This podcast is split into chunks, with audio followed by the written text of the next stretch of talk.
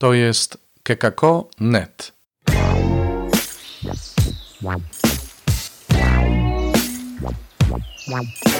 Poranny suplement diety. Chrystus zmartwychwstał. Witajcie. To jest poranny suplement diety na piątek 7 maja.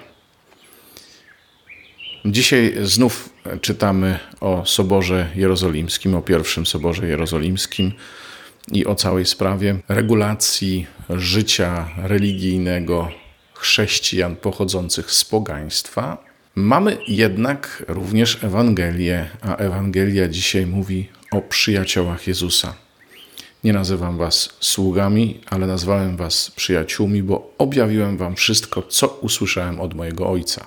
I to dzisiaj dla nas jest y, kluczowe. Jezus nie zwraca się do nas jak do sług, ale jak do przyjaciół. Tak nas traktuje. I to jest nasza misja wobec tych, e, do których jesteśmy posłani, żeby dawać im świadectwo o Jezusie, żeby traktować ich jak przyjaciół. Zauważcie, że Jezus nie zwraca się do nas per przyjaciele dlatego, że zasłużyliśmy sobie na to, tylko dlatego, że traktuje nas w ten sposób, ponieważ nam zaufał. Przekazał nam wszystko, co sam usłyszał od Ojca. Traktuje nas jako przyjaciół, nawet jeszcze zanim pełnimy Jego przykazania. Mówi do nas, że jesteśmy Jego przyjaciółmi, choć oczywiście prawa przyjaźni z Jezusem polegają na tym, żeby pełnić Jego przykazania, ale On tę przyjaźń daje nam tak po prostu awansem. Nie chcę powiedzieć, że na kredyt, bo kredyt trzeba spłacać, ale On daje nam tę przyjaźń jako pierwszy. I to jest to właśnie, co musi towarzyszyć nam.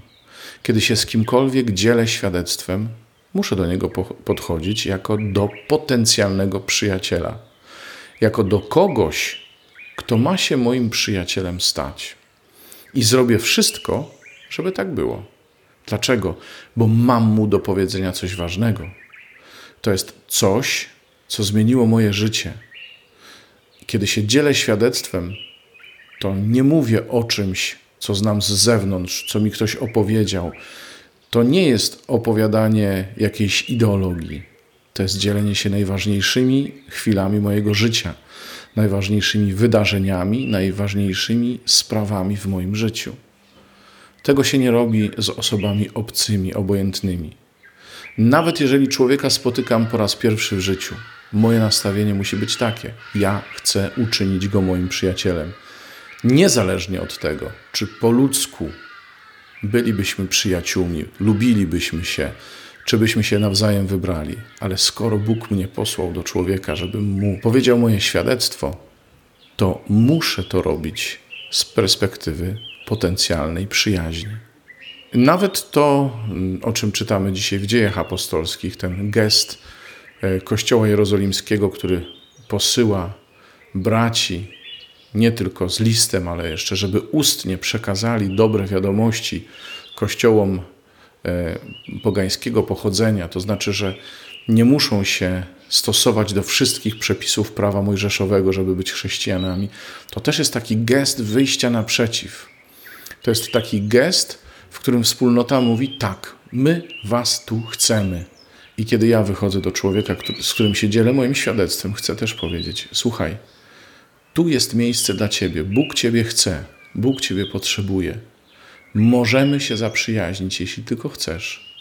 Nie zwracam się do ciebie jako do, nie wiem, osoby ewangelizowanej. Też nie przepadam za tym, żeby traktować y, tego, komu mówię świadectwo, jako osobę ewangelizowaną, albo jeszcze lepiej, jako przedmiot mojej ewangelizacji. Nie. Zwracam się jak do przyjaciela, licząc na to, że ta przyjaźń między nami się nawiąże.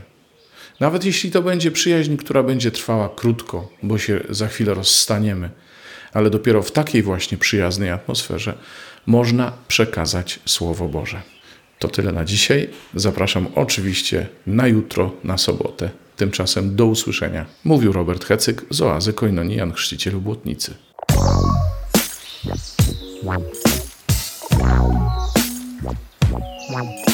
Czytaj Pismo Święte Słuchaj Pana, który mówi do Ciebie, a jeśli chcesz się podzielić tym, co usłyszałeś, usłyszałaś, napisz do nas redakcja małpa.kekako.net albo nagraj wiadomość na stronie odcinka podcastu.